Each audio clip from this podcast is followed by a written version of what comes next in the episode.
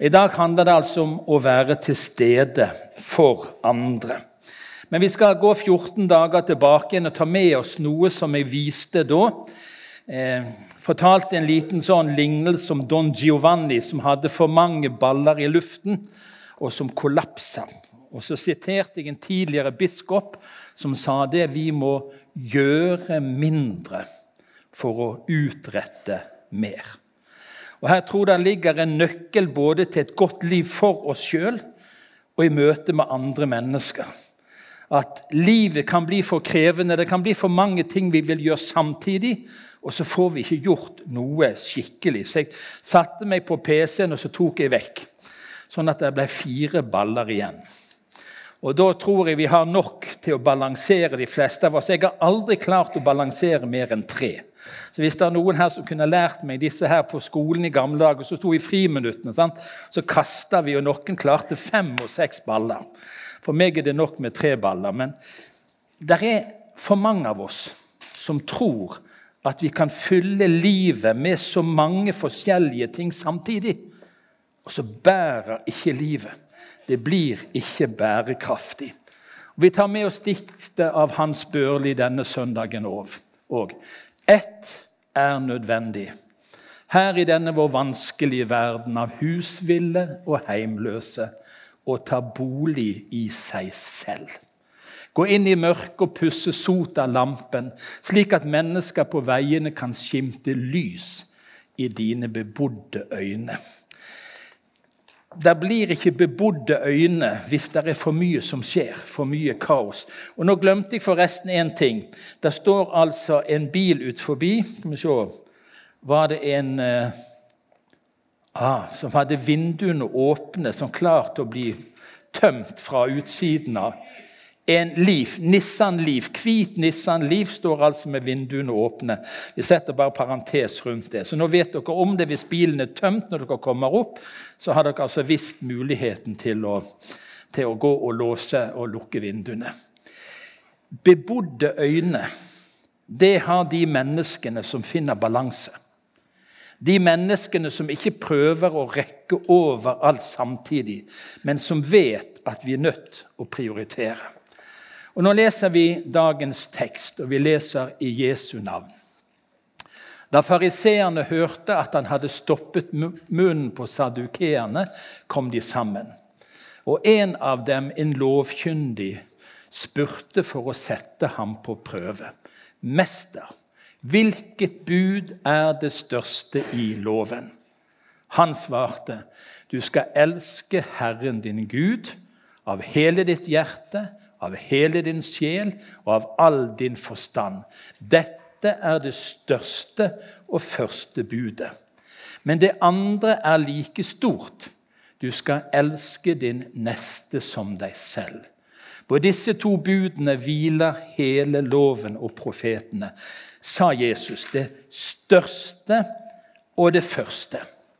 Å elske Herren Gud har Gud på plass i livet, og det håper jeg at du har. At Gud har funnet sin plass i ditt liv. Men så er det ett bud, sa han, som er like stort. Du skal elske din neste som deg selv. Skal vi så vidt innom det, hva betyr det å elske seg sjøl? Lille speil på veggen der. Jeg vet du, jo, jeg vet jo hva du ser når du ser deg i speilet, for ser, du ser det jeg ser nå. sant? Men det er ofte sånn at når vi ser i det speilet, så ser vi noe vi ikke liker. Ting som skulle vært annerledes. Ting vi ikke er fornøyde med. Og Nå handler ikke det bare om det fysiske speilet på badet eller på soverommet, men når vi betrakter livene våre, så er det ofte ting som gjør at det blir ikke så bra alltid å være oss sjøl. Egil Svartdal hadde en nydelig podkast i koronatiden i 2021 hvor han tok opp dette med selvbilde og selvtillit. Og Det er litt to forskjellige ting. Du kan ha god selvtillit på ting du gjør, du er flink til. Og likevel kan du gå med et selvbilde hvor du trykker deg sjøl ned. Ikke fornøyd hvor du kjenner at du er ikke god nok. Selv om du kan løse mange oppgaver fantastisk, folk kan være fornøyd med jobben du gjør, så kan du gå med et sjølbilde som ikke bekrefter det på noen god måte. Så sier han veldig mange mennesker leter etter et positivt sjølbilde. De vil bare forholde seg til det som er bra i livet. Og så sier han det vil ikke være bærekraftig. Og så sier han det er et sunt selvbilde. Det handler om å slå seg til ro med at det er ting i livet vårt som ikke er så bra. Det er ikke perfekt. Jeg er ikke akkurat sånn som jeg skulle ønske jeg var på alle områder i livet. Men sånn er det å være menneske. Sånn er det å være meg, sånn er det å være deg. Og det å falle til ro i et sunt sjølbilde, hvor jeg kan være glad for det jeg kan, den jeg er, det som er bra, det som jeg får til, samtidig som jeg kan leve godt med Det er ikke alt jeg kan, det er ikke alt jeg får til. Det er ikke alt med meg som er perfekt, men det er helt greit. Sånn er det å være menneske. Den som kan møte andre, eller sånn som vi møter oss sjøl, møter vi ofte andre mennesker. Hvis ditt liv er sånn at du snakker deg sjøl ned, hvis du går med stadig sjølanklage, du er misfornøyd med deg sjøl, så vil du ofte møte andre mennesker sånn. Er du i stand til å tenke jeg vet du hva, det er ting i livet mitt som ikke er perfekt, men jeg er glad at jeg er meg sjøl. Jeg er glad at jeg er skapt sånn, at Gud skapte meg sånn så kan du akseptere andre mennesker sånn som de er. Så her er vi inne på noen sånne finurlige ting. Bibelen sier altså at det å elske andre har òg med hvordan du aksepterer deg sjøl. Den som har funnet frihet i et sunt sjølbilde, binder ikke andre mennesker. Den setter andre mennesker fri til å være seg sjøl. Det ligger en hemmelighet i dette å kunne akseptere seg sjøl. Når vi elsker oss sjøl ubetinga, så blir det lettere å elske de rundt oss med deres feil og mangler. Hvis du klarer å være ærlig med deg sjøl jeg, jeg, er ikke perfekt. Jeg får ikke alt til. Det er ting i livet mitt jeg skulle ønske var annerledes. Hvis du kan slå deg til ro med det å elske deg sånn som du er, så er det lettere å godta andre mennesker. Lettere å akseptere. Lett å elske dem, løfte dem, tale vel om dem. Bibelen sier altså du skal elske din neste som deg sjøl. Og Nå snakker vi ikke om narsismens sjølbilde, han som kikket ned i dammen og så sitt eget speilbilde og ble forelska i seg sjøl. Og siden så handla livet bare om seg sjøl. Vi snakker ikke om den type egenkjærlighet. Men vi snakker om den bibelske sunne jeg er skapt i Guds bilde. Gud er fornøyd.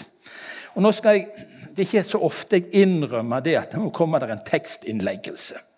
Nå tar jeg helt bevisst et bibelord ut av sin sammenheng. Men jeg satt og forberedte meg, så dukket dette ordet opp. Og jeg tror kanskje noen trengte dette ordet akkurat i formiddag. Jesus møtte en ung mann. Kom i samtale med han. Og så står der en sånn nydelig setning. Jesus så på ham og fikk ham kjær. Jesus så på ham og fikk ham kjær. Og så var det som jeg bare liksom tenkte Jesus ser på deg. Jesus ser på deg, og så har han blitt glad i deg. Du er kjær for ham. Og Så kom det ordet som Jesus hørte to ganger fra sin far. 'Dette er min sønn. I ham har jeg behag.' Dette er min datter. Dette er min sønn. Gud ser på deg. Jesus ser på deg, og Jesus ser på deg på en sånn måte at han blir glad i deg. Ja, men er jeg noe å være glad i? Ja, for Jesus er du noe å være glad i. Jesus elsker deg sånn som du er. Og hvis du tenker jo, men det gjelder han ved siden av og hun ved siden av, her kommer du ikke unna. For så høyt har Gud elska verden. Alle. Jesu blikk har en gang hvilt på deg. Jesu øyne har en gang sett på deg. Og så var det kjærlighet i det blikket. Jesus elsker deg akkurat sånn som du er. Og da kan du få lov til å tenke ja vel, da er det ikke så verst med meg heller. Når Gud kan elske meg, når Jesus kan se på meg og få meg kjær, så kan jeg jommen klare det litt, jeg òg. Så kan jeg få lov å tenke Gud elsker meg. Gud er fornøyd. Så skal jeg få lov å speile meg i det og ta det til meg så var altså temaet å være til stede for andre mennesker. Og En gang så fikk Jesus spørsmålet 'Hvem er så vår neste?' Og Så sier Jesus i en sammenheng at det er ikke noe å skryte av at du er glad i de som er glad i deg. Og så utfordrer han hele tenkningen i sin kultur, som ofte var litt sånn at vi er et hakk bedre enn de andre. Samaritanerne var ikke gode nok. Og dette handler jo om lignelsen om den barmhjertige samaritan som falt blant røvere. Og så var, Nei, det var ikke han. Det var barmhjert, den barmhjertige samtalen som hjalp han som falt blant røvere. Det var godt at noen våkna. Så noen litt sinte blikk her. Sant? Nei, nå er du ute og sykler her. Men det handler om hvem er vår neste? Og Hadde vi hatt tid og gått litt inn i Det gamle testamentet, så ville vi sett hvordan det jødiske folk, israelittene, ble utfordra til å ta seg av enkene, de farløse, de som var fremmede iblant de. På en spesiell måte så blir de oppfordra til å utvide sitt hjerte. Hvem er vår neste? Det er ikke bare de som står tettest rundt oss, og som vi naturlig har kjærlighet for og ønsker det beste. Når vi er kalt til å være til stede for andre, så utvider Jesus perspektivet, så sier han Hvem er de neste? Det kan være de som du absolutt ikke finner elskverdig. Den kan være de marginaliserte, de som faller utenfor, de som andre fordømmer, de som andre ikke bryr seg om så har Gud et spesielt hjerte for de fremmede, de farløse. Fordi livet har fart hardt og vanskelig med. Og så skal vi møte dette. Hvordan kan vi være til stede på en sånn måte at mennesker som ofte faller utenom, møter Guds kjærlighet? Loven og profetene, hva er summen? Alt dere vil at andre skal gjøre mot dere, det skal også dere gjøre mot dem. For dette er loven og profetene. Sånn flott måte å tenke på. Vi vil at andre skal være gode mot oss. Vi vil at andre skal strekke ut hender, vi vil at andre skal hjelpe. Og sånn skal altså vi møte andre mennesker. Det er ikke sikkert alle vet det som er på Fredheim i dag, men Fredheim Arena er en del av Indremisjonsforbundet, som i år er 125 år. Altså, Vi har jubileum i år. Så Vi ble altså da starta i 1898. Men før det så starta det en forsamling i Bergen. Den heter Bergens Indremisjon og ble starta i 1863. Og Det står om det som preger disse menneskene fra 1863 og utover. Hør hva det står. De som stiftet Bergens Indremisjon, var rett nok noen stille venner. De, var bergensere, altså, bare så dere er klar over det, men de var av den litt spesielle bergenske typen. Men de hadde tro, håp og kjærlighet i hjertet. Fullt nok til å bryte stillheten med glød i evangeliets budskap. Kraft i de hellige samfunn og hjelp til tidens sosiale nød. Og nå skal du høre. I 1880 hva som skjedde.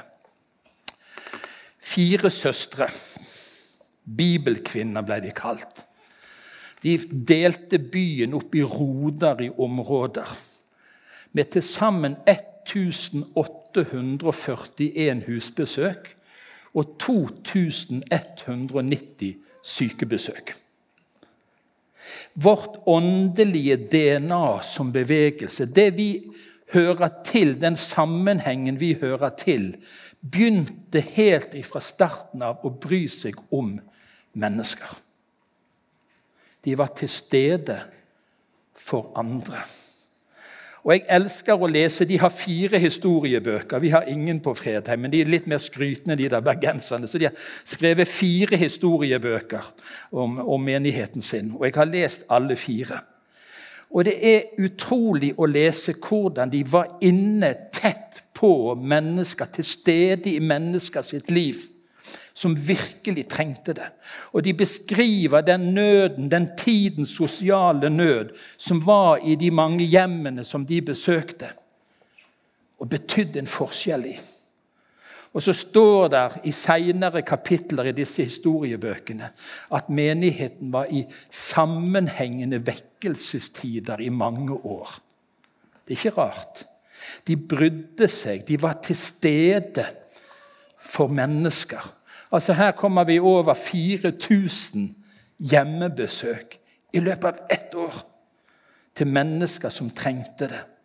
Og Det står om den ene vekkelsen, og det er mitt favorittsitat fra historien om Indremisjonen. Da tallet på nyfrelste passerte 1000, kom de ut av tellingen. Hva syns du? Det er vekkelse. Da tallet på nyfrelste passerte 1000, kom de ut av tellingen, men vekkelsen fortsatte enda en tid, står der. Og Jeg tror en av nøklene var de var til stede i mennesker sitt liv. De var til stede for andre. Menigheten vendte blikket utover mot byen og gjorde sosialt arbeid lenge før kommune og stat var på banen med frivillige, med mennesker som de lønna i perioder for å dekke byen med omsorg og diakoni. På Fredheim så prøver vi. Vi har en hjertebank. Jeg vet ikke om du er klar over det. Jeg håper alle har bankende hjerter her inne. Men vi har altså en hjertebank hvor mennesker kan ta kontakt og sette inn et behov. Og så er det andre mennesker som setter inn 'jeg kan hjelpe'. Og så kobler vi sammen behov med mennesker som vil hjelpe. Vi ønsker kollektivt som fellesskap å være til stede for andre. Dere kommer senere i vår til å få noen vitnesbyrd fra akkurat dette arbeidet på Fredheim. Mennesker som har vært hos andre, som er sjokkerte over at noen dukker opp, og de skal ikke ha betalt for det engang. Nei, vi er her bare for å hjelpe. Vi vil deg vel. Å elske sin neste som seg selv. Å gjøre det mot andre som du vil de skal gjøre mot deg. Det er liksom summen av loven og profetene, sier Bibelen. Og vi er kalt til å være sånne mennesker som er til stede i andre mennesker sitt liv. Går du ut på den siden og kikker på bygget som ligger rett bak her, og ser i første etasjen Nå skal vi flytte inn neste mandag i det bygget. og Gjett om vi gleder oss til å få gode kontorplasser og arbeidsplasser. Første etasjen er satt av til et familiesenter. Vi ønsker å være til stede for mennesker som sliter med livet. Som har tungt å bære. Hvor livet går i stykker, hvor relasjoner går i stykker, så ønsker vi å være til stede for andre. Og jeg gleder meg til familiesenteret er oppe og går. Vi har spurt Sandnes kommune, vi har hatt besøk av ordfører og rådmann for å spørre hva behov er der i byen. Og dette er et av behovene som er i Sandnes. Noen som kan være der for andre mennesker. Være til stede for andre. Og Jeg gleder meg til det blir fullt der oppe, og folk må stå Nei, ikke må stå i kø, da må vi gjøre det større. Men rett og slett at folk kan komme. Livet mitt er krevende. Jeg trenger noen å snakke med. Jeg trenger noen som ser meg. Noen som lytter. Og Dette vil dere få vite mer om i tiden som ligger foran. Så står det i strategien vår, som gjelder fram til 2025, vi gir 100% av våre kollekter til misjon og hjelpearbeid blant fattige. Hver søndag er målet. At alt vi samler inn på våre gudstjenester, skal gå ut av huset. Det skal gå til misjon, det skal gå til hjelpearbeid, for vi skal klare oss med det vi får fra medlemmene våre på det jevne. Så kan vi være til stede for andre. For noen år siden så hadde vi besøk fra Albania her. Eh, på en gudstjeneste. Vi hadde hatt seminar noen dager. Og så hadde vi eh, bl.a. besøk fra Albania. Så hadde vi tatt opp kollekten. For det gikk til et prosjekt som vi hadde på kalenderen den dagen. Men så tenkte jeg vi kan jo ikke la det skje at eh, Andi reiser tilbake igjen uten å ha fått en liten kollekt med seg fra Fredheim. Så Den søndagen tok vi opp to kollekter. Vi hadde den som samla opp kollekt første, den vanlige kollekten, men så samla vi inn en kollekt til. Og Den søndagen fikk vi den største kollekten som vi har fått på fredag. 75 000 kroner på den andre kollekten. Og Det forteller meg én ting. Vi har alle pengene vi trenger. De ligger bare her ennå. Vi har alt det vi trenger. Det er der bare vi er klar til å gi det videre, og vi kjenner vi vil være til stede for andre mennesker. Og Du kan tro han ble velsigna, som kunne reise hjem igjen omtrent med en halv årslønn fra en søndagskollekt på Fredheim. Vi skal være til stede for andre. I byen vår, i nasjonene være med å hjelpe mennesker som sliter og ikke får livet til å gå i hop. Som fellesskap. Og så handler det om oss personlig. Og der skal vi lande nå i formiddag. Det står i strategiplanen vår forsamlingens medlemmer lever misjonalt i hjem og nærområder. Nå kan hende noen av dere nye ikke vil komme på dette informasjonsmøtet. Dere vil ikke bli medlemmer, for da kommer det krav. Nei, tenk, som fellesskap skal vi bety noe. Og enkeltvis ønsker vi å hjelpe hverandre til å leve misjonalt. Leve som kristne i vår hverdag. For møtepunktene mellom oss og mennesker skjer primært utenfor huset her. I morgen er det mandag skole, arbeidsplass, hjem, familie, venner. Til stede i andre mennesker sitt liv. Og Da kan vi ikke ha for mange baller i luften.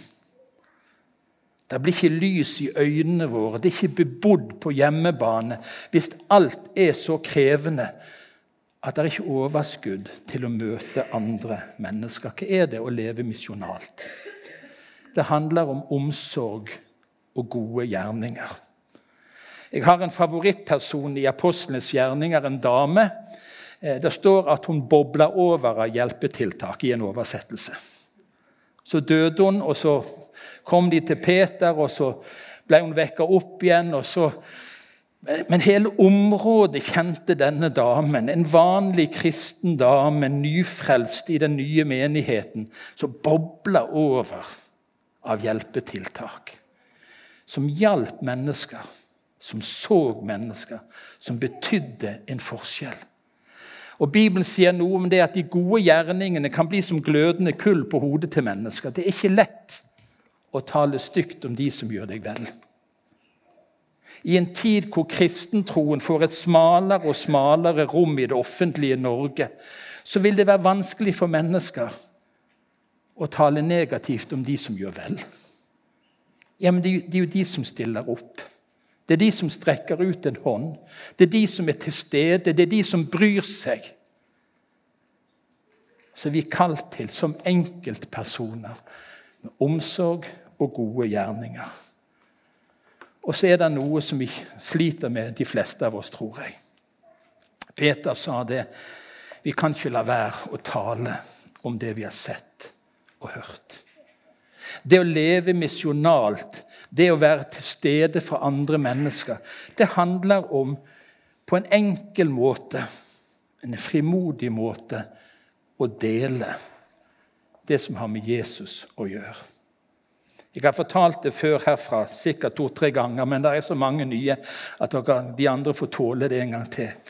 Jeg jobba i en periode parallelt med å være pastor på Klepp så jobber jeg i forsikringsbransjen. Tenk det, pastor og forsikringsagent. Da er du høyt på strå. Da har du de to. Ja, da er du plassert. Og det å sitte på et lunsjbord mandagen hvor de rakka ned på ting de hadde hørt om kristne, gang etter gang etter gang, og prøve å være en kristen Prøve enkelt å si at det ikke er sånn det er. Så En dag så banka det på kontordøren min. Så kom det inn en kollega. 'Du, Landro, er du sånn kristen, du?' sa han. 'Ja, jeg er visst det.' Ja, Han hadde merka det litt på, på lunsjen. Så sa han, 'Kan du komme inn på kontoret mitt, for der er det en annen kollega.' Og vi, vi er blitt litt interessert i det som har med troen å gjøre. Gjennom det enkle hverdagslige å være til stede være nær mennesker på en vanlig arbeidsplass. Jeg kan si Forsikringsbransjen den var forholdsvis annerledes samtalespråk enn på Fredheim når vi spiser lunsj. det kan jeg si deg. Både språk og uttrykk var annerledes. Men det er bare å være til stede. Så er det mennesker der som kjenner på en lengsel og på en tomhet i livet sitt. Og En mandagskveld så var vi hjemme i stuen hos han ene. Så sa han nå må du fortelle det der med kristendom og evangeliet, sa han skikkelig. Så fikk jeg lov å dele evangeliet. Og så sa han jeg bøyer meg, sa han. Så så han på han andre. Du bøyer deg, du òg, sa han. Og i sofaen i den stuen så bøyde to stykk ned. Hva var det? Bare være til stede. Bare være der som en kristen i hverdagen ikke stå opp en ta, med en talerstol sånn som dette, men være nær mennesker. Og så ha denne Jesus Jeg har lyst at det du har gjort, det jeg har sett, det har jeg lyst til å dele med andre. Vi er kalt til å være til stede for andre. Mennesker som vi møter, venter, og mange av dem lengter. De vet nesten ikke hva de venter på, og hva de lengter etter. Men det dypest sett mange mangler, det er den freden med Gud som overgår all forstand. Den tryggheten å få være et Guds barn og høre til hos Han som har skapt dem, og som har gitt sitt liv for dem. Vi er kalt til å være til stede. Og Så oppsummerer Paulus i Galaterbrevet kapittel 6 nesten en sånn liten sånn prioriteringsrekkefølge, så la oss gjøre godt mot alle. Så lenge det er tid, og mest mot dem som er vår familie i troen. Vi er kalt til å leve her, i et fellesskap hvor vi bryr oss om hverandre. Bibelen sier vi skal gråte med de som gråter, og vi skal le med de som ler. Vi skal be for de syke, vi skal møte de som har behov, her på huset. Familien vår. Den åndelige familien. Men så sier han men når vi begynner der, la oss ikke glemme så lenge det er tid, å være god mot alle. Til stede i andre sitt liv. Til stede for andre. Og Da blir det spennende å være en kristen. For best som du går der i hverdagen din, så kan Gud ha lagt gjerningen ferdig for deg. Så er det et øyeblikk hvor Den hellige ånd minner deg om en god gjerning. Hvor Den hellige ånd minner deg om et ord, et eller annet som ligger deg på hjertet. Og så får du dele det med andre mennesker og være til stede for andre, skal vi be sammen. Takk, Jesus, for at du er til stede for oss. Og Herre, jeg takker deg for det ordet som kanskje ble tatt litt ut av sin sammenheng. Men jeg tror du denne søndag formiddagen ser på noen mennesker på Fredheim. Med et spesielt blikk. Og så har du lyst til å si det til dem, så de får lov å tro det og erfare det, at du elsker dem. Herre, der er noen her som ikke tror det at de er verdt din kjærlighet. Men i dag ser du på dem, og så har du de kjær. Herre, la det få lov å slippe inn bak alle forsvarsverk. Av alt det som livet har påført av sår og skader, så ber vi om at ditt ord og din kjærlighet må få lov å trenge gjennom. Og la de ta imot det, Herre. At de kan si det ja. Jeg er din sønn. Jeg er din datter, Gud, og du har behag i meg. Så ber vi, Herre, og slutte å spørre hvem er vår neste. Herre, vi er kalt til å leve og være til stede i mennesker sitt liv. De du sender i vår vei, Herre. Og Vi ber helt konkret for de dagene som nå ligger foran. La oss ha bebodde øyne, så mennesker merker at vi bryr oss, at vi ser dem sånn som du ser dem.